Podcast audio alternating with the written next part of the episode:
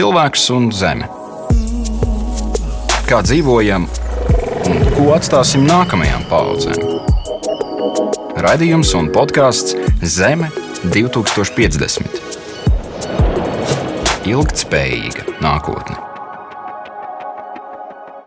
Labdien! Latvijas radio viens ēterā raidījums Zeme 2050 ar jums kopā Aleksis Vilciņš.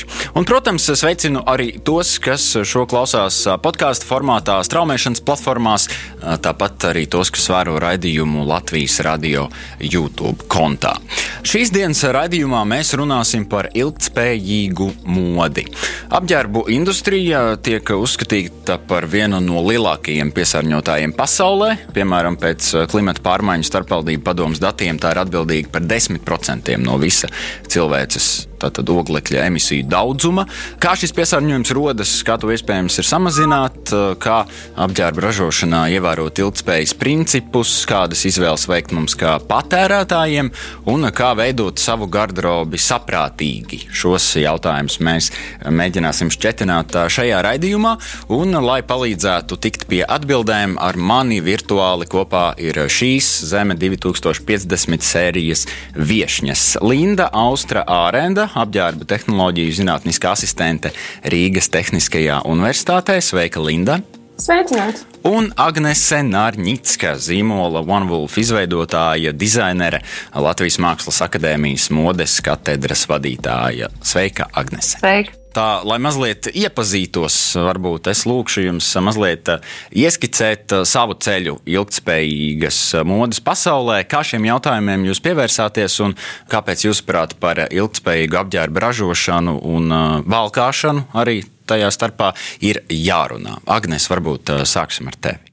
Īstenībā šis ceļš ilgspējīgas modes un dažādu risinājumu meklēšanas Viņš jau noteikti ir vairāku gadu garumā līdz šim brīdim. Un, ko es vispār kā, vēlētos varbūt tās uzsvērt, runājot par Latviju un um, dizaineru darbu Latvijā.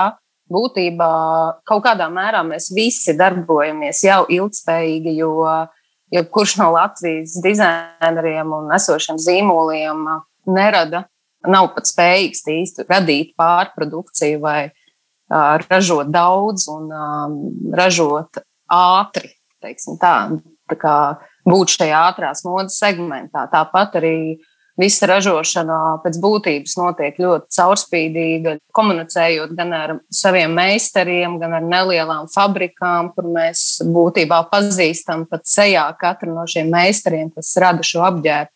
Līdz ar to jau arī pašos pamatos mēs varam runāt par darba ētiku Un arī tas ir ļoti būtiski, teiksim, salīdzinot ar pasaulē lieliem zīmoliem, kā top šī ražošana, kad tas pārsvarā tā ir Ķīna vai Indija vai vēl kāda cita valsts, kur teiksim, šī ražošana notiek varbūt netik ļoti piemērotos apstākļos, un arī pati darba vide ir savādāka. Latvijā es uzskatu, ka salīdzinoši tas ir ļoti labi.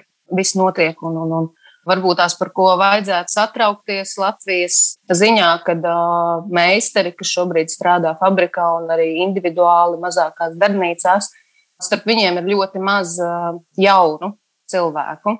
Līdz Latvijai mēs vēl tiksim par globālajām Jā. problēmām. Arī pavisam drīz es vērsīšos pie Lindas. Linda, kā sākās tavs ceļš un kas tevi pievērš šiem ilgspējīga apģērba jautājumiem? Nu, tas ceļš ir noticis ļoti dabiski. Es esmu studējusi apģērba tehnoloģiju. Pagājušajā gadā pabeidzu arī maģistru šajā tēmā un sāku pasniegt studentiem RTU. Un, ja tu sāc iedziļināties modes biznesā, biznesa modeļos un vispār tev kādam citam ir jāpastāsta par modi, tad ir ļoti grūti nepienākt pie šīs informācijas, hei, mums ir problēmas, ir kaut kādas lietas, ko vajadzētu risināt. Un tad, kad tu arvien vairāk lasi par šīm problēmām un saproti, cik viņas ir diezgan lielas un milzīgas un kā ārkārtīgi būtiskas, tad arī jūti nepieciešamību par to runāt, par to izglītot tālāk. Nu, to es jūtu kā tādu nelielu savu pienākumu, ņemot vērā, ka es strādāju ar studentiem, ar jaunajiem profesionāļiem. Tad viņiem jau kā pirmajā kursā pastāstīt, mums ir lietas, kas jārisina. Un tas tā vienkārši dabiski ir noticis. Mēs varētu sākt izskaidrojot klausītājiem un skatītājiem terminus, kurus raidījuma laikā mēs pieminēsim diezgan daudz, ko mēs saucam par ātrā modi un ko mēs saucam par lēno modi. Tā ātrā mode balstās uz tādām trim būtiskām pazīmēm, lai nodrošinātu, ka tas vispār tas biznesa modelis ir veiksmīgs, sekmīgs un ienesīgs. Un tas ir ienesīgs biznesa modelis. Tad, tad pirmā pazīme, ka ir lēti. Šie izstrādājumi ir lēti, viņi ir pieejami ļoti plašam klientu lokam, Tātad, jebkurš arī jaunieši, nu, ļoti plaša patērētāja grupa var iepirkties, nesijūtot baigot triecienu savām acīm. Tad arī ir slikta kvalitāte. Un slikta kvalitāte tādā ziņā, ka šie izstrādājumi nav izturīgi, viņi ātri nolietojas, nesaglabā savu formu ilgstoši. Tad pēc dažām mazgāšanas reizēm var jau just, ka šis izstrādājums izskatās un pieguļ citādāk, kā arī šie modeļi, kā mēs tautā sakam, morāli noveco ļoti ātri. Tad, tad šīs modes izmaiņas ir regulāras, ļoti regulāras. Tā kā ik pēc divām nedēļām, gandrīz vai. Un tad, tad um, šis stilistiskie risinājumi arī noveco ļoti ātri. Un tad trešā pazīme, ka tas viss notiek milzīgos apjomos. Dažreiz par ātrās modes zīmoliem sauc, ka tie ir liela apjoma uzņēmumi. Nevis augstas kvalitātes, bet lielu apjomu. Un tas tiešām ir ārkārtīgi liels daudzums. Nu, saliekot šo visu kopā, tas viss biznesa modelis strādā uz to, ka vajag to patērētāju dabūt ātrāk atpakaļ veikalā, un tāpēc uh, visi faktori ir pakārtoti tam, lai nu, tas produkts būtu ātri jāmet ārā. Agnēs, es tev lūkšu, varbūt iezīmēt tagad to otru daļu, lēnās modes principus. Kā es saprotu, tavā darba laukā šeit, Latvijā, tāda ātrā mode nemaz pie mums netop. Te mēs runājam tikai par lēno modi. Jā, varbūt es vēl nedaudz papildināšu par ātrā modi. Uh, Es domāju, tas viens no faktoriem, tīri emocionāli, uz ko balstās arī šī ātrās modes biznesa, tā radīja tādu tūlītēju apmierinātību, jo, kā zināms, es domāju, arī daudziem jauniešiem tīri varbūt tās tāda laimes hormona būšana un ātra iepirkšanās, teiksim, cenas ziņā vai izdevuma ziņā, tas būtu līdzvērtīgi, kā varbūt aiziet ar draugu, draugu uz kafejnīcu, apēst kādu kulku vai kafiju. Tikpat labi viņš var aiziet nopirkt džinsus vai, teiksim, divus džempers par to pašu naudu. Līdz ar to ļoti grūti varbūt tās ar to ir um, cīnīties vai kā, bet, teiksim, pretēji, ja mēs runājam par lēno modi, Protams, šeit ir um, pilnīgi cita domāšana, pieeja. Es teiktu, tas ir dzīves stils un arī nu, kaut kāda Mēs runājam šeit vairāk par vērtībām tieši no patērētāja puses, kad viņš ļoti pārdomāti veido savu teiksim, garderobi, vispār kāda ir viņa attieksme pret apģērbu, pret apkārtējo vidi. Lēnā moda noteikti ir arī balstīta tīri dizainā. Tas nebūs tikai kārtējais viens džempers vai kārtējie džinsi tie noteikti būs džinsi, kuru cilvēks pērk arī pārdomāti. Tā ir varbūt investīcija vairākiem gadiem. Viņš arī pārdomātāk, protams, veido šo garderobi un līdz ar to. Lēnā moda noteikti arī saistās ar to, ka arī pats zīmols nerada šo pārprodukciju. Tikpat labi tas teiksim, varētu izpausties tādā biznesa modelī, kad teiksim, šā brīža situācijā modes zīmols piedāvā konkrētus modeļus, bet uh, viņi nav nestāv stokā noliktavā, teiksim, sašūt visos izmēros, bet uh, viņš tiek tieši konkrētā pasūtījuma gadījumā arī realizēts. Līdz ar to nav nekādi lieki procesi un, un, un nav arī šīs sekas, kad šis džempers paliks nevienam nevajadzīgs. Viņš top tad, kad pēc viņa ir pieprasījums. Es vēlos turpināt ar mm. piesārņojumu. Te mēs visticamāk runāsim par ātrā modi šajā sakarā. Šis visticamāk jautājums Lindai. Ko tad mēs uzskatām par lielāko draudu videi? Šos materiālus, ko mēs izmantojam apģērbu ražošanā, vai citus ražošanas procesa blakus produktus, vai tomēr to, kas ar šo visu milzīgo apģērbu apjomu notiek pēc izlietošanas pēdiņās? Nu, tu jau pats ieskicēji, ka šis piesārņojums ir daudzpusīgs, ievērojams un dažādos procesos. Un es uh, nevarētu tagad pateikt, ka ir kaut kāds uzvarētājs, kurš tad ir tas lielākais, ir jaundaris, un pārējos var ignorēt. Nu, tā tas gluži nav. Mums vajag risināt visus piesārņojuma veidus visos produkta dzīves cikla laikā. Tad, tad, jā, tur var sākums kaut vai ir pašu šķiedru, kaut vai kokvilna, kokvilna ļoti daudz patērē ūdeni, un ir vietas, kur šis ūdens sāk trūkt. Ir pat joki, kad cilvēki ūdeni vairāk uzvelk, nevis apēd. Tad, tad ūdens vairāk tiek patērēts citos procesos, nevis tur pārtikai vai ko mēs dzeram. Nu, tas ir piesārņojums, kas mazina vidas daudzveidību, tad arī, protams, visi krāsošanas un, un mazgāšanas procesi un šis neatrītais ūdens nonāk apkārtējā vidē. Tur upes ir piesārņotas ar, piemēram, kaut vai džinsa, indigo krāsu sintētisko, un, tad, um, un cilvēki izmantot kaut vai šajā ciematā, kur ir šī rūpnīca, izmanto ūdeni savā ikdienā, bet tas mēs vairs nerunājam par vispār kaut kādu dzeramo ūdeni, pat attālām ilūzijām. Tie kaut vai vieni, bet nu, tas ir tikai tāds kripatiņš, protams, ir ārkārtīgi lielais atkritumu daudzums. Tad jau tika pieminēta šī pārražošana, tad jā, liels apjoms. Mēs visu viņu nevaram uzvilkt, bet arī viņš tiek ātri nolietots, jāmet ārā. Mums nav tik izcili attīstīta pārstrādes tehnoloģijas, un tas nav akmens pārstrādātāja lauciņā. Tas ir mums vēl jātiek līdz, ka mēs visu varēsim pārstrādāt. Tātad, kur tad paliek? Nu, tad um, atstājam poligonos vai sadedzinam. Tātad mēs saražojam ievērojami vairāk nekā mēs tiekam galā. Un tas arī ir kaut kas tāds, kas mums ir strauji jāattīst. Tātad jā, es varētu ilgstoši stāstīt par visām vidas ietekmēm, bet nu, katrā procesā ir kaut kāds sliktumiņš, kas mums ir jāmazina. Un ko šīs lielās apģērbu kompānijas, ko viņi saka? Vai kādas rīcības mēs šobrīd no viņiem redzam? Jo skaidrs, ka šīs nav tik tikko atklātas problēmas, uz kurām mēs paskatījāmies. Kādas ir darbības, ko šie lielie ražotāji veids, ko mēs gaidām no viņiem? Jo skaidrs, ka viņi nekur nepazudīs, ne rīt, ne pēc divām nedēļām. Nu, jā, tā visas tās problēmas jau ir iestrādātas sistēmā. Godīgi jāsakot, un lai šo sistēmu sabrucinātu un kaut kādā veidā sajauktu, nu, viņiem ir liela zaudējuma jāceļ. Tāpēc viņi pagaidām spēlējas ar materiāliem, nu, saka, ka izmanto labākus materiālus. Nemaz neaiztieko to, cik daudz viņi saražo. Un tas tāds nu, nedaudz mums pūš miglu acīs. Tas ir nu, varbūt mans personīgais viedoklis, bet viņš ir bāzēts informācijā. Nu, kaut vai ir vairāki projekti, un tad viņi stāsta, cik daudz viņi iegulda naudu tehnoloģiskajos risinājumos, kas tagad visu atrisinās. Kaut vai aiznes uz veikalu savas vecās zeķes, viņi, viņi sašķērēs uz vietas, izstrādās jaunu izstrādājumu tūlīt, no šīm vecajām zeķēm.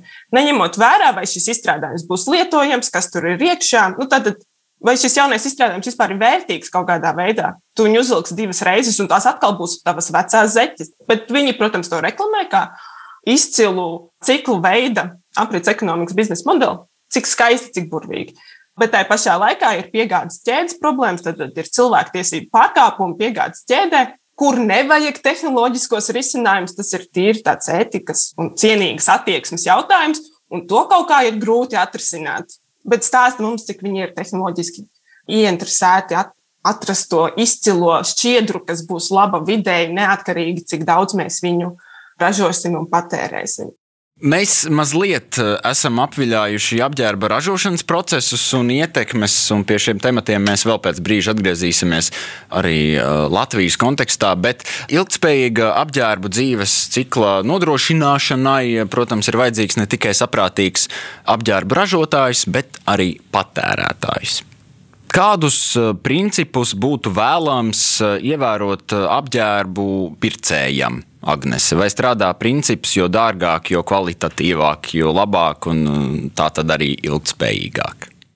Tas, teiksim, nav tāds ļoti stingrs nosacījums, bet, protams, skaidrs, ka ātrā mode tās ir citas izmaksas noteikti ražotājiem, lielam uzņēmumam un zīmolam.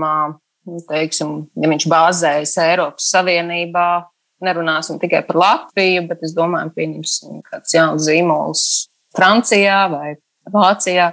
Es domāju, protams, šīs izmaksas radīt apģērbu, ilgspējīgu apģērbu, ir citas izmaksas, un noteikti arī patērētājiem sanāk teiksim, vairāk samaksāt, bet mēs uz to varam skatīties ļoti dažādi. Protams, ir jautājums, vai cilvēkam gadā vajag pieņemsim piecus džinsus, vai divus džinsus, vai desmit džinsus. Šobrīd pieņemsim pēc tādiem kopējiem datiem pasaulē uz katru pasaules iedzīvotāju tiek saražot četri džins. Es domāju, ka mums ir skaidrs, ka nenotiek gluži tā, ka tiešām katrs pasaules iedzīvotājs nopērk gadā četrus džins. Tad ir jautājums, kur šie pārējie džins paliek.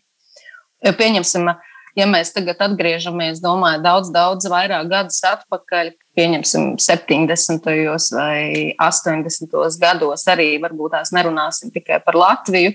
Es domāju, ka cilvēks, kurš, piemēram, ļoti kāroja kaut kādu, teiksim, iegādāties jaunu apģērbu vai, piemēram, tos pašus džinsus, es, es domāju, ka tajā mirklī tas nebija šī opcija, kad uh, par 18, 15 eiro vai 20 eiro, ka mēs to varam atļauties. Tomēr šī ātrā mode ļoti sabojājas pašu domāšanu pamatos, cik apģērbam būtu jāmaksā un cik vispār mums viņu vajag. Jo, jā, varbūt tās jāsāk ar šo pašu teiksim, attieksmi, cik daudz mums vispār vajag apģērbu ikdienā un cik daudz mums skapī karājas uz pakaramiem apģērbs, ko mēs varbūt gada laikā vispār neesam uzvilkuši. Un es domāju, pie katra šāda pirkuma atgriezties pie šīm domām. Es domāju, Latvijā kopumā situācija uzlabojās un jā, klienti arvien apdomīgāk veido pirkumus un, un, un ļoti pārdomāti skatās uz savu garderobu kopumā. Ir, ir arī labas iezīmes. Tajā. Uz kuru pusi pasaule griezīsies pēc dažām desmitgadēm? Ekspertu spriedumi, risinājumi un prognozes. Raidījums un podkāsts Zeme 2050. Ilgtspējīga nākotne. Šajā brīdī es eh, mūsu sarunā vēlos iesaistīt eh, modes mākslinieku, dizaineru apvienības Māriju Rolas dibinātāju Rolandu Pēterkopu. Sveiki! Sveiks, Roland! Jā. Tavs skatījums. Mums vajag nodefinēt, varbūt, jēdzienu, tava definīcija ilgspējīgam mm. apģērbam. Ko tu ar to saproti? Jā, es eh, piekrītu, ko Agnēs minēja. Mums ir vienkārši cits reģionu skatījums uz šo mūsu stāstā. Nav lielas masveida ražotnes. Tas nenozīmē, ka nav ražotnes. Mums ir eh, vairāk atbildības dizaineriem. Mums nav šī reālā, patiesā industrijas eh, pieskāriena, kad mēs būtu kaut ko sliktu izdarījuši sabiedrībai vai globālajai idejai. Bet kā es skatos uz to vārdu ilgspējība, man tā visu caur laiku, kopš vispār esmu sācis nodarboties ar apģērbu dizainu, Tā ir savā ziņā tāda tā kā pieskaršos bišķi filozofiski. Tas vienmēr ir svarīgi. Ļoti labi. Tā ir savā ziņā izpratne, sapratne par tagadni, eksistenci, savu iespēju, saviem instrumentiem. Un tu caur šo izpratni kaut ko veido, kaut ko radi. Un, ja tev ir resursos fabrika, tu viņu izmanto, tu radi. Ja viņa kaut ko sliktu dara, tu par to sāc domāt. Kas ir tas sliktais? Un kura skatu punkta vispār kāds dizainers sāk domāt. Skaidrs, pilnīgi ar ticu, ja Latvijā būtu pēkšņi šī iespēja, liels kapitāls un kāds no dizaineriem sākt ražot, es eh, pieļauju, ka tas arī ir eh, savā ziņā tāds fake arguments, kad neko es tur maz ražoju un nepiesārņoju dabu, bet tiklīdz mums ir tās iespējas, mums kaut kādā brīdī šī izpratne var zust, un mēs vienkārši lecam iekšā, jo tas tomēr ir bizness šis viss ir cīniņš par eksistenci un par savu viedokli. Un mode kā tāda informācijas telpa, tā ir komunikācija. Un komunikācija, kolekcija, katrs dizains ir kā vārds, kuru tu gribi, e, lai katrs dzird ar vien skaļāk un tālāk. Un, ja tu nokavē kādu mirkli, tad tam vārdam zuda vērtība. Un to es varu definēt vairāk par to ātrā modi, kad e, tā ir šī ātrā saruna, kur brīžiem e, lētas un, un spēcīgas idejas ir svarīgākas par nosvērtu intelektuālu produktu. Un, tad šī teikt, lēnā mode, bet es varu teikt, varbūt patiesā mode, mode kā vārds varbūt arī vispār nav pareizs. Bet, Viņa tiek balstīta uz to, ko tu rādīji, un kā arī Agnēs pirms tam teica, uz intelektu, uz izpratnes veicināšanu. Un, ja mēs saprotam, ka mode ir kā dialogs ar sabiedrību, tad mēs arī cenšamies komunicēt. Un Un nevienmēr vajag uzsvērt, ka tas ir ekoloģiski tīrs audums vai pārstrādāts audums. Mēs paši savā kolekcijās arī esam par to interesējušies un esam adūruši pret to, ka mums vajag divu tik lielāku kapitālu, lai pieņemsim iegādātos materiālu, kas ir pārstrādāts no okeāna atrastām plasmas pudelēm. It kā konceptuāli laba ideja, skan labi, visiem uzreiz patīk, visi pērk vēl vairāk. Tas ir uh, divi tik dārgāk priekš mums, kā dizainieriem, kas katru soli plāno un cenšas saprast, kur es būšu pēc gada vai pēc diviem. Mēs šādus soļus nevaram atļauties. Sanāk, mēs, ko mēs darām, mēs cenšamies saprast to realitāti, kas ir ap mums. Un ilgspējība savā ziņā tas ir, ja mēs tā pagodīgo skatāmies, tam jābūt labam visiem. Tas nav viena rakursa labums. Tā ir tāda globāla izpratne par to, kā tavas lietas ietekmēs. Un mēs ar savu atbildību skaidrs, tas ir pirmkārt, tas ir dizains, radīt kaut ko tādu enerģētisku, pilnu, intelektuāli piesātinātu, ka šis cilvēks šo produktu neizmet pēc pusgada, viņš saprot, ka viņš ar viņu dzīvo, tas ir viņa draugs, viņa biedrs, ar kuru viņš arī pēc desmit gadiem eksistēs un, un varēs paust savu nostāju šajā sabiedrībā. Tas ir pirmkārt dizains, otrkārt tās ir, protams, iespējas, ko tu ar savu dizainu saki. Un, un arī šobrīd mācot studentus Tallinas Mākslas akadēmijā, man ļoti nu, labā ziņā pārsteidz arī dažu studentu domāšana.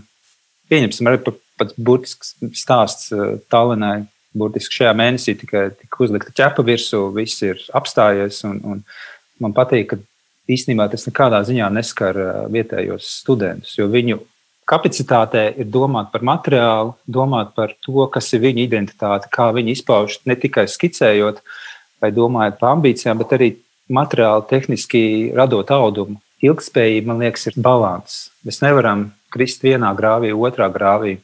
Tas ir līdzsvars ar to, kas mums ir. Un, ja man ir jāizvēlas atvest no laukiem veco plasmas beņķīti, kas ir tipisks kafejnīcas. Es viņu izvēlētos, jo viņš ir ilgspējīgs. Viņš man turās jau nesik gadus, ja es viņu tīšām nesalaužu.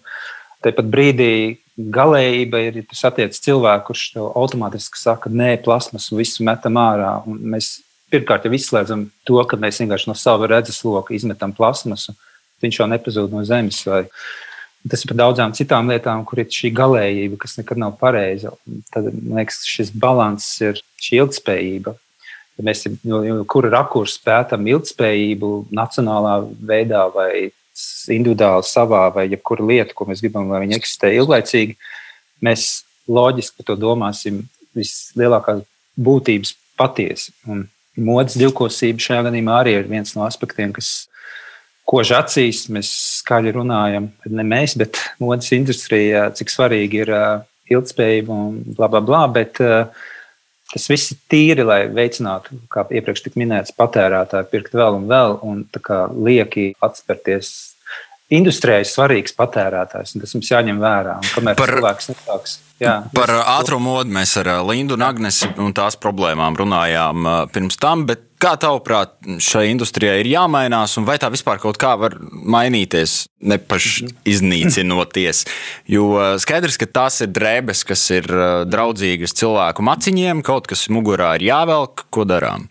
Man liekas, šeit ir arī masu mēdījis jāskatās. Kas ir mēdījis modes industrijā? Tie ir uh, cilvēki ar ietekmi, tie ir modes nami ar intelektuālu ietekmi.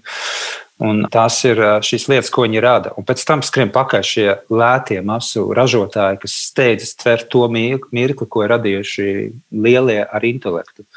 Un, man liekas, ka šajos tēlos ir iespēja gudri komunicēt un likt šiem ražotājiem sajusties nērti, vienkārši būvēt pa niansēm šo informāciju, ka tas pavisam vairs nav pieņemami un sākt attiekties pret apģērbu kā pret uh, vērtību. Otra lieta ir skaidrs, ka pasaulē ir uh, nabadzība. Cilvēkiem vajadzīgs drēbes. Tas allež būs, vienmēr būs lētā mode, un vienmēr būs kāds, kurš nopirks džinsus par divu eiro. Tu nevari saprast, kā viņas ir ražotas. Uh, Man liekas, šis virtuālais riņķis visu laiku eksistēs. Ir runa par balansiem, ka varbūt ir iespējas lieliem kaut ko ietekmēt. Ja mēs patiesi gribētu kaut ko izdarīt, tad mēs vienkārši apturētu sistēmu uz kādu laiku, kas realitātē nekad tā nenotiktu, un tad mēs varētu redzēt kādu labumu no tā visa. Tas ir mans uh, skatījums. Bet, es vēl gribēju jā. kādu ieteikumu no tevis, Roland, dabūt, pirms mēs tev laižam prom. Par ko mums, cilvēkiem, kas īsti neko nesaprot no apģērba ražošanas un tā, kā tas īsti top, par ko mums domāt, iegādājoties apģērbu? Tavs ieteikums. Man liekas, pieņemsim, ko es esmu saskāries, ir izprast pirmkārt arī lokālo vidi, kas ražo apģērbu dizainu, un sākt izprast procesu, kā tas tiek ražots. Man liekas, tas ir vienmēr svarīgi, jebkurai lietai, arī produktam, ko mēs ēdam, saprast šo sastāvu. Un sastāvs ne tikai pats tekstuālais sastāvs, bet arī process. Un tajā laikā mēs varbūt patērētājs aizdomātos par to cenu līmeni, ka tas nevar būt vienlīdz cenā ar, ar ātriem zīmoliem, kas ražo. Bet tāpat brīdī es arī uh, saprotu sabiedrību, kurai ņems šo lēto produktu jo tas tomēr ir apģērbs. Un, uh, ko vienīgais šajā laikā var motivēt, ir censties, lai cilvēki paplašina savas zināšanas un cenšas izprast uh, situācijas un, un, un uzņemt zināšanas. Tas ir tas svarīgākais. Ne tikai attiecībā uz modi vai arī uz citām jomām. Un tas var izskaidrot uh, attiecību sekas, kas šobrīd valda pasaulē. Paldies, Roland, par uh, tavu komentāru. Mēs tev laižam tālāk, lai tev darbīga Veiksmīgi. Lai tev darbīga diena. Rolands Pēterkops bija kopā ar mums. Mēs turpinām par Latvijas vidi. Mēs vēl parunāsim pēc brīža par tieši Agnese tavu un Vanvulfu pieredzi. Bet pirms tam, tātad perfektajā gadījumā, pēc kalpošanas kādam cilvēkam, apģērba gabals var turpināt savu dzīvi kāda cita cilvēka īpašumā, ja iepriekšējais cilvēks labi pret to ir izturējies. Protams, to mēs varam nodrošināt caur lietotu apģērbu veikaliem un tā tālāk, bet tomēr tāpat eh, tūkstošiem tonu tekstila ik gadu nonāk Latvijas atkritumos. Te nu mēs varam mēģināt domāt, ko ar šo tekstilu eh, darīt tālāk. Uz kuru pusi pasaule griezīsies pēc dažām desmitgadēm? Ekspertu spriedumi, risinājumi un prognozes. Raidījums un podkāsts Zeme 2050. Ilgtspējīga nākotne. Šajā brīdī es mūsu sarunā vēlos eh, iesaistīt vidas apsaimniekošanas uzņēmuma Eko Baltija vide valdes priekšsādātāju Jāni Aizbaltu, lai eh, mazliet parunātu par tekstila šķirošanas un pārstrādes eh, iespējām Latvijā. Sveiki, Jāni! Sveiki! Jāni, ja es saprotu pareizi, tad uh, Eiropas Savienības dalību valstīm līdz 2025. gadam, kas ir pusceļā līdz tam 2050. kuru mēs šajā raidījuma ciklā skandinām, uh, ir uzdots tekstila šķirošanas procesus uh, savest kārtībā, īsi sakot tā. Vai es esmu sapratis pareizi? Savest kārtībā vai, vai beidzot uzsākt to darīt. Tas ir kā var to dažādi lasīt, bet nu, idejaski ir nosacīts no 25. gada visām dalību valstīm sākt dalīt to vākšanu. Kā šobrīd tas ir uh, iepakojumam, tā, tā nu, sākt arī no 25. gada tekstila. Nu, mūsu redzējums un arī jāsaka, ka pozitīvā nocer arī tāda, ka arī ministrija to redz un citi nozares pārstāvi ir, ka Latvija varētu būt arī šī ziņā arī pirmvietnieks un sākt to kā obligātu pasākumu arī no 23. gada. Parādīt citām Eiropas valstīm, nu, tā atklāti sakot, nu, ko tur ko gaidīt.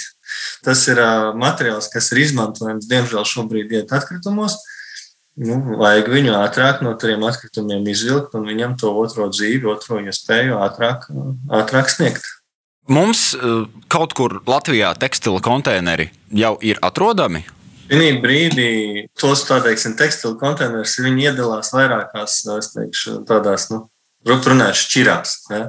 Ir, ir tādi, kurus uh, ir izvietojuši atkritumu apsaimniekošu uzņēmumi, tie lielākoties mēs viņus apkalpojam, un vēl sadarbībā ar uh, ZAO ir arī vidzemē. Tādi konteineri ir 60. Viņi ir pierīgi un lielākoties vidzemē.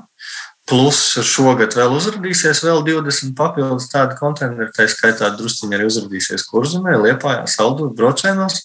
Vai mums ir uh, informācija, cik daudz šobrīd uh, tātad, sadzīves atkritumos kopējos sastāvā tekstila izstrādājumi?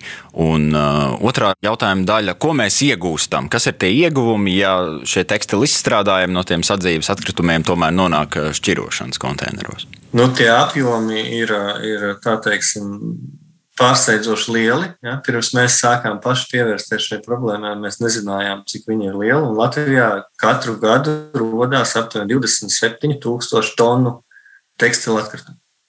Kas ir, nu, lai jūs saprastu, tāds cilvēks parastais, nu, cik ir tonna un cik ir vēl 27,000 tonu. Ja? Tad visi atkritumi, ko pieņemsim, rada visas vidzemes reģions, ja? Valmiera, Cēsis, Limbaži, Smilteni, visas šīs pilsētas kopā, ja? visi, visi sadzīves atkritumi ir aptuveni 25,000 tonu. Tāpēc Latvijā tekstils radās vairāk nekā vidzemē kopumā sadzīves saražo gada laikā. Nu, tas, lai jūs saprastu, tie apjomi ir, ir, ir abnormāli lieli.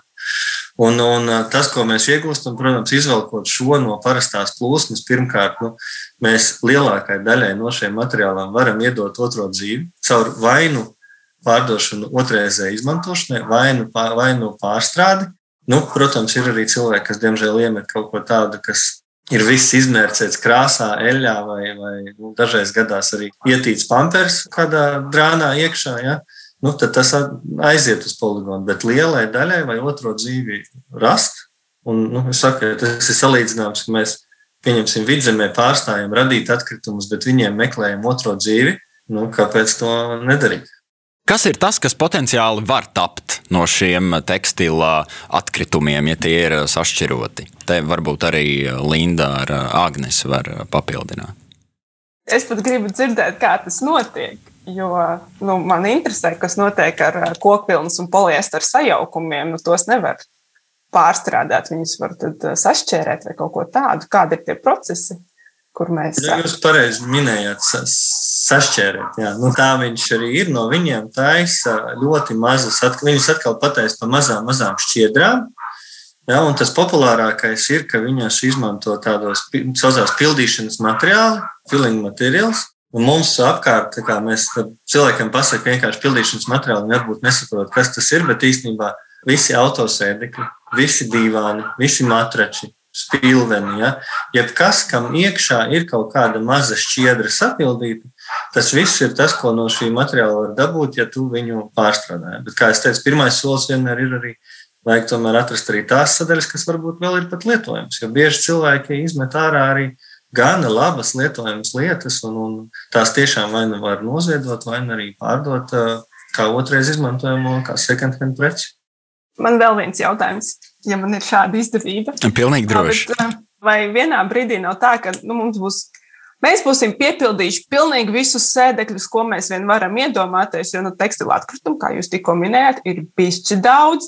Nu, tad, kas notiks, ka mēs piepildīsim visus izolācijas sēdekļus, pilvenus, divānus un, un vēl nezinu ko? Nu, pirmais, kas notiks, mēs, šo, mēs nepaņemsim pirmkārt tos šobrīd tie materiāli, viņi lielākoties atnāk no polistera šķiedras sākotnējās pārstrādes, jā, kas ir, nu, runājot, naftas produkti. Tātad pirmkārt mēs neizterēsim naftu. Otrkārt, ir jāsaka, ka līdz ar to, ka sāk tas tekstils uzrasties kā atšķirots materiāls, jā, viņš iepriekš, es teiktu, pirms pieciem gadiem vēl viņa tāda nebija. Jā, sāk rasties arī jaunas iespējas, kur viņu izmantot. Pieņemsim siltumizolāciju. Francijā vispār viens uzņēmums jau sāk taisīt ķieģeļus ar tekstu sašķērētu tekstilu pieejamu. Tā kā tās, tās izmantošanas iespējas viņas radīsies līdzās tam, ka tas materiāls būs pieejams. Šobrīd viņš ir gan nu, gaužām mazos apjomos, un Eiropā jāsaka, vienīgā valsts, kur, kur tā tiešām sistēma ir attīstīta pa visu valsti, ir, ir ko es jau pieminēju, tikko Francija. Šī gadā laiž šo sistēmu vaļā Somija. Nu, mums ir iespēja būt trešajai. Nu, tas materiāls ir, ir, viņi ir maz. Viņi ir maz, un tāpēc arī pārstrāde pagaidām neattīstās. Bet tas ir, tur ir liels potenciāls. Paldies! Iepriekšējos raidījumos Zeme 2050 mēs arī par atkritumiem esam diezgan pieskārušies. Es vienmēr jautāju, tajā brīdī mums gan bija runa par bioloģiski noārdāmiem atkritumiem, bet Jā, es arī vēlos tavu prognozi pajautāt, kad, piemēram, es šeit galvaspilsētā Rīgā savā iekšpagalmā varētu cerēt uz kādu tekstila šķirošanas konteineru. Tava prognoze. Ziniet, kā visā Latvijā tas, tas atkritumu tirgus ir dažāds, jo katrai pašvaldībai notiek savs iepirkums, ja, un katra pašvaldība nosaka, vai viņai kaut ko gribās ārpus likuma vai negribas. Ja. Nu, pēc likuma es ceru, ka Latvijā vajadzēs no 23. gada. Nu, Rīgā, Rīgā arī ir sadalīta četrās zonās. Ja. Nu, mēs savā zonā savus konteinerus esam izvietojuši. Jā, viņi ir tikai 20 Rīgā, ja, bet tomēr tie 20 vismaz ir pieejami. Un, ja kāds grib, var ieiet vai nu šķirot viegli, kas ir ministrijas mājaslapā, ja, vai nu zaļais LV, vai nu ir arī caur aplikāciju, mums ir ekobalti aplikācija, var pasīties kartē un droši nolakēties, kur tu esi un skatījums, o, oh, 200 metri pa labi un izrādās tekstilu konteiners ir. Kā, nu. Šobrīd ir par maz. Es teiktu, mēs esam aplēsuši, lai Latvijā visi teiktu, jā, es zinu, kur ir un es zinu, kā, kā šķirot, vajag aptuveni 850, 900 konteinerus pa visu Latviju. Tad visiem būs sajūta, ka viņiem viņi ir pieejami. Ja? Nu, šobrīd, diemžēl, tie 60, bet nu, esam ceļa sākumā. Tātad pirms stūķējam savus izdilušos tēkļus sadzīves atkritumu konteinerā, tomēr painteresējamies, paskatāmies uh, internetā, vai tomēr jau tagad nav kāda vieta, kur būtu jēdzīgāk šos apģērba gabalus izmest. Paldies, es teikšu Jānim Aizbaltam, Eko Baltijas vidē valdes priekšsēdētājiem, Jāni veiksmi darbos. Lai veiksmīga diena. Un mēs turpinām. Es atgādinu klausītājiem un skatītājiem, ka šodien mēs redzējumā Zeme 2050 runājam par ilgspējīgu modi un apģērbu. Ar mani kopā studijā Linda Austra Ārende, ilgspējīga apģērba ražošanas un modes eksperte, tāpat arī Agnese Narņicka, zīmola One Wolf izveidotāja, dizainera, Latvijas Mākslas akadēmijas modes katedras vadītāja. Pēc 30 gadiem zivis okeānā aizstās plasmasas produktu mutācijas. Par to un vidi, ko atstāsim nākamajām paudzēm, radījumā un podkāstā Zeme 2050. Ilgtspējīga nākotne. Es vēlos paturpināt par uh, Latvijas situāciju, un Agnēs, konkrēti par tavu un Vanvulfu uh, pieredzi. Tu jau uh, dažas lietas pašā sarunas sākumā ieskicēji. Uh, kā jūs domājat par ilgspēju savā darbībā, un es saprotu, ka jūs arī ar Pasaules dabas fondu patiesībā sadarbojaties. Jā, ražojot tēkļus, mums, protams, veidojās auduma atgriezumi. Šie auduma atgriezumi nav tā, ka mēs viņus izmetam ārā vai atstājam turpat fabrikā, nezinot, kur viņi nonāk, bet mēs viņus paņemam atpakaļ un no šiem auduma atgriezumiem veidojam kā, savu jaunu materiālu. Nevis smalki sašķērējot vai kā savādāk, ļoti sarežģīti tehnoloģiski, bet tīri izmantojot ar ļoti teiksim, dažādām radošām pieejām, kā šos gabalus sašujot savā starpā, mēs varam radīt jaunus tēkļus, vai kleitas, vai kā savādāk, vai džemperus. Un to mēs esam iesākuši darīt. Un, jā, viens no šādiem sadarbības projektiem bija arī ar dabas fondu, kur mēs teiksim, no katra nopirktā krēkla konkrētu naudas summu ziedojām dabas fondam, un savukārt no šīs saziedotās naudas mēs organizējām tādu, teiksim, pārgājienu, kas ir Slīteres dabas rezervātā, bija ļoti tiešām interesants un ļoti daudz jaunas informācijas ieguvām tieši par dažādiem dabas procesiem un jā, teiksim, kā noteikt kaut vai koka vecumu mežā, cik viņš ir ilgus gadus audzis tīri dēļ viņa apskatoties uz lapotni, tāpat tās arī saprotot, kas dzīvo un cik daudz dažādas dzīvības mīt mežā. Tā kā tas izvērtās par tādu ļoti foršu un draudzīgu sadarbību. Mēs eh, pirms eh, brīža jau nedaudz eh, šim pievērsāmies, bet tagad vēl par Latviju runājot, es gribētu, Agnese, tavu redzējumu par to, kā šobrīd ilgspējas kontekstā izskatās apģērba ražošana Latvijā. Mums ir tikai lēnā mode, kas mums top šeit. Rolands teica, ka mums ir visas iespējas sabojāties. Tā, ja mēs tagad atceramies, ko viņš teica, tad, kad tas paliks biznesam draudzīgi. Nu, mums, protams, Latvijā ir vairāki lieli šūšanas uzņēmumi, kas primāri, teiksim, nevis ražo Latvijas zīmoliem, vai, teiksim, ja lielajiem ražotājiem ir kāds savs zīmols sev, bet tieši ārvalstu zīmoliem, kur, protams, neslēpsim, arī ir lielo šo ražotāju zīmoli. Var sakot, Latvija ir kā viens no izpildītājiem. Tas tā arī notiek. Un, protams, ir ļoti, ļoti daudz dažādu mazu uzņēmumu, sākot no darbnīcām, kuras strādā viens, divi, trīs meistari, līdz pat, kur strādā 20, un tad jau seko lielāki. Un, jā, mēs pārsvarā sadarbojamies ar tādu vidēja mazām paprikām, tā, tādu lielumu uzņēmumiem.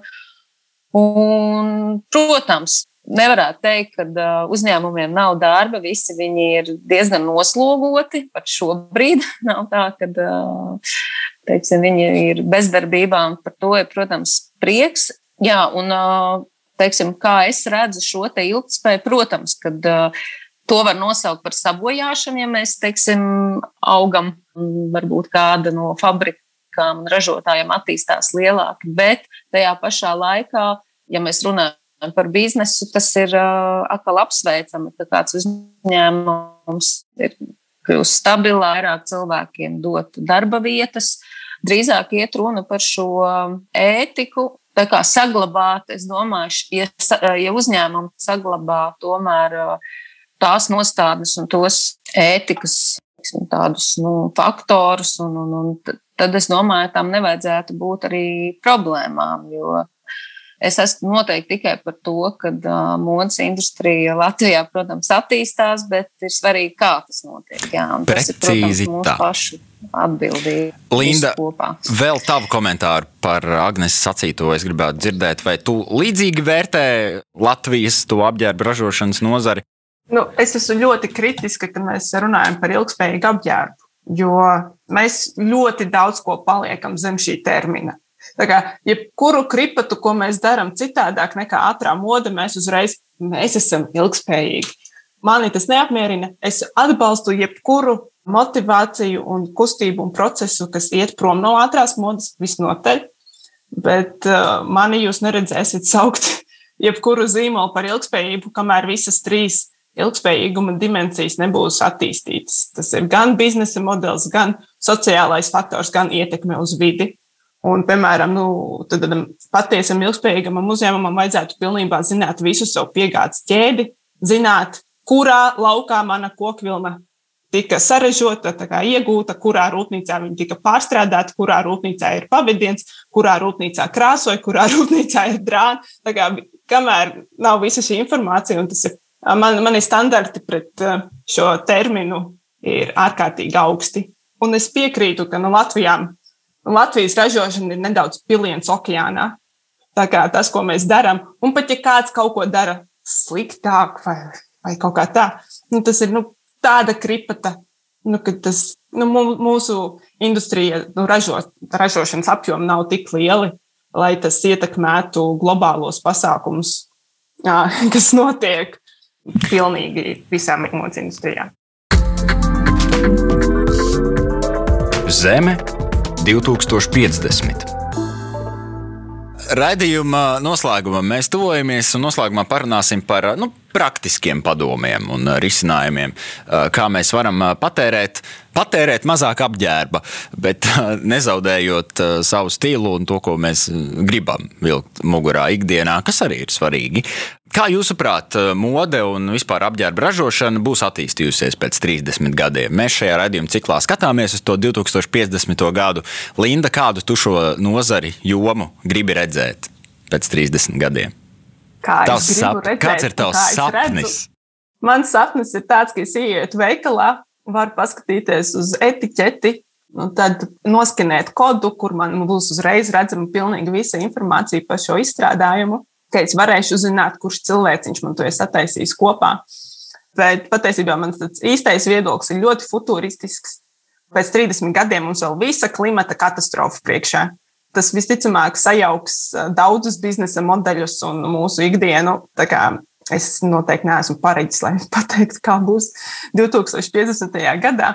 Bet mana ideja, ko es esmu arī izteikusi, ka es, man šķiet, ka dažreiz dekoratīvā apģērba funkcija tiks pārnesta uz virtuālo vidi vai arī uz paplašināto realitāti. Kā mums būs šie virtuālie avatari, kas tad varēs katru dienu ģērbties pilnīgi citos ekstravagantos apģērbos, ko mēs pat ikdienā nevarētu. Kamēr tas, ko mēs realitātē nesājam, ir kaut kas ļoti vienkāršs, universāls, gan kā uniforma, lai to varētu ražot mazāk, mazāk resursi, nu, kad tiek ļoti strikti nodalīta šī funkcija starp nu, fizioloģisko funkciju, apģērbam un dekoratīvo. Un tad, tad tā viena, nu, jo mums tāpēc, ka mainās bieži stili, tāpēc mums vajag daudz apģērbu.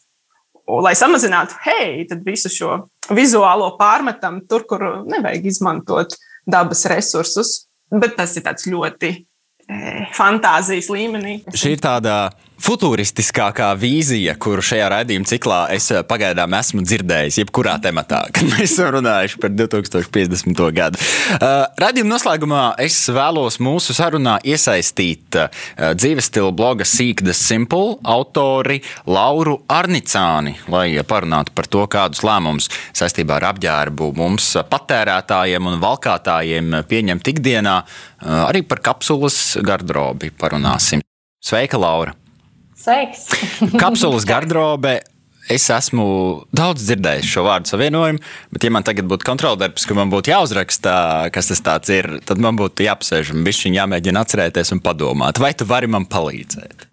Kapsulas garderobe patiesībā ir ārkārtīgi vienkāršs princips, ko patiesībā var iekļaut jebkurš cilvēks, jo tas stāv uz tādām trīs galvenajām domām. Pirmā doma ir tā, ka skāpja saturs ir mazāks nekā lielāks, līdz ar to tas fokus ir, ka mēs iegādājamies mazāk, nevis vairāk. Tā kā mēs iegādājamies mazāk, tad otrā lieta ir saistīta ar kvalitāti, ka mēģina ieguldīties pēc iespējas labākā kvalitātē, tā lai apģērbs kalpotu pēc iespējas ilgāk un viņš būtu tāds daudzfunkcionāls.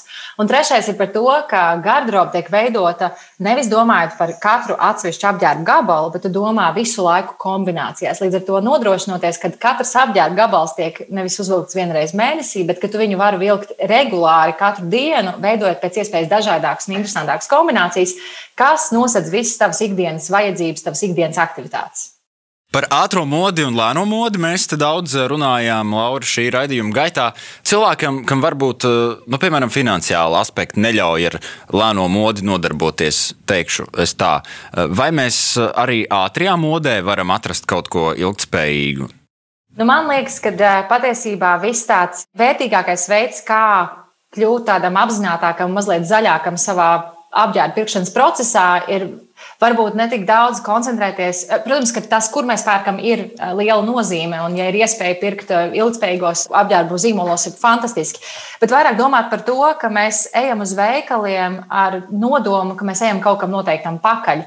Ka nevis mēs ejam paskatīties, kas jauns, varbūt kaut ko sagribēšu, un bieži vien arī man ienākot veikalos, vienmēr viss kaut ko sagribās, jo tur patiešām ir daudz skaistas un interesantas drēbes. Bet tajā brīdī, kad mēs ejam uz veikalu ar noteiktu nodomu, ka es eju kaut kam pakaļ un es zinu, ko es gribu nopirkt un kas man patiešām ir nepieciešams tā, lai es varētu to, kas man mājās savilkt pēc iespējas dažādākās kombinācijās, un ka katrs apģērba gabals, ko es ienesu savā skapī, patiesībā man iedod 150 jaunas opcijas, kā uzģērbt to, kas man mājās ir, nevis sarežģīt to visu procesu. Tas patiesībā atrisinātu ļoti daudz dažādas jautājumus, kas saistīts arī ar tādu finansiālo jautājumu.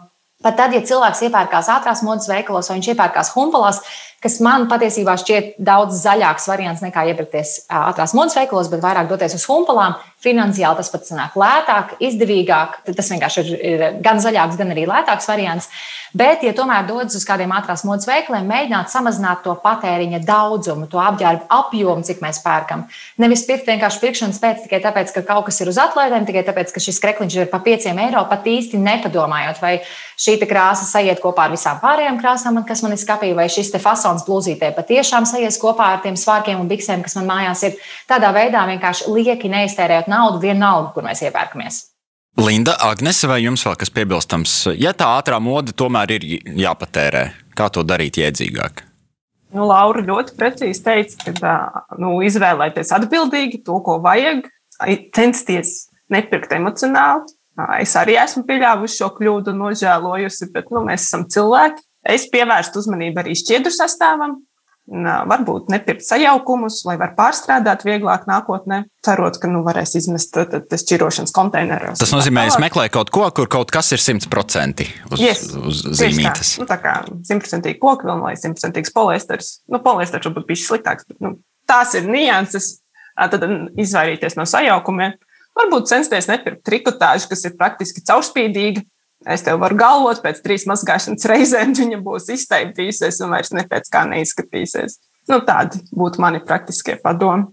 Laura, tava vīzija 2050. gads, vai arī vēl bišķiņu uz priekšu, vai mēs tiksim no tās ātrās modes vaļā, un vai tā industrija kaut kā spēs pamainīties?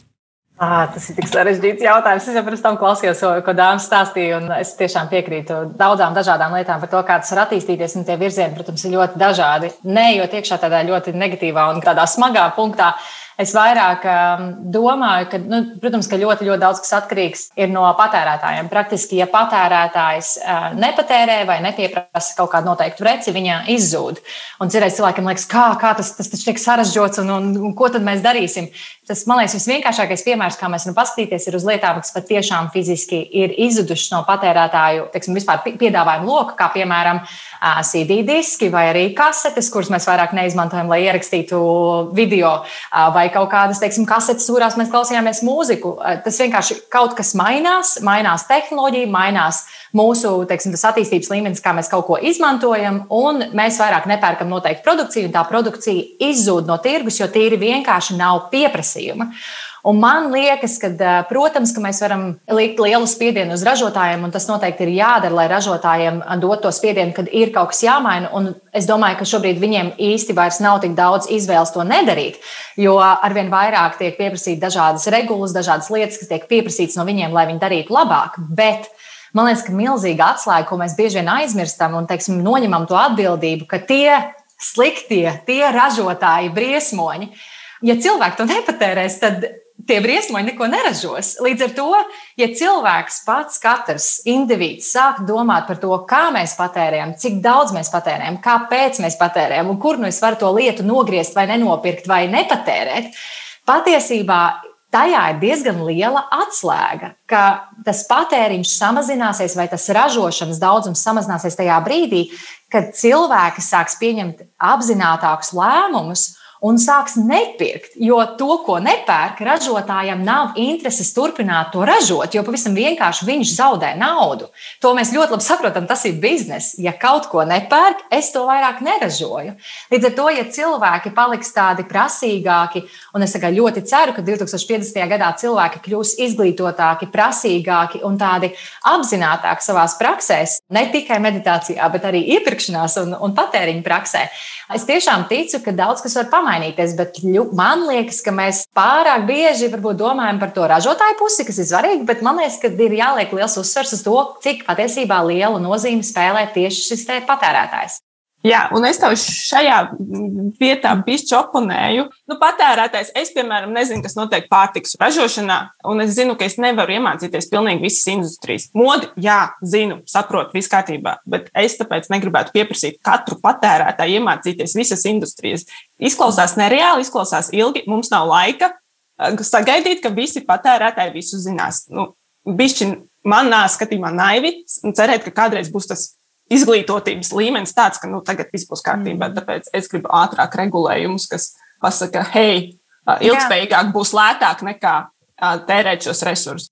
Būsim gudri patērētāji, cerēsim uz gudriem ražotājiem, izvairīsimies no zaļmuldēšanas, un uh, rūpēsimies par savu apģērbu. Arī tas ir labs ieteikums. Uh, paldies raidījumu viesiem teikšu. Šajā brīdī Rolandam Pēterkopam, Jānim Aizbaltam, Laurai Arnicānei. Paldies arī šīs sērijas ekspertēm Lindai, Austrai Ārendai un Agnesei Narņickai. Mēs raidījumā un podkāstā Zeme 2050 tiekamies atkal pēc nedēļas. Šo raidījumu producēja Katrīna Lauga, video operators Miks Jeluškins. Par skaņu rūpējās Reinis Budze, bet šeit studijā studijā ar jums biju es, Aleksis Vilciņš. Tiekamies un visu labu! Cilvēks un zeme. Kā dzīvojam un ko atstāsim nākamajām paudzēm? Radījums un podkāsts Zeme 2050. Ilgtspējīga nākotne.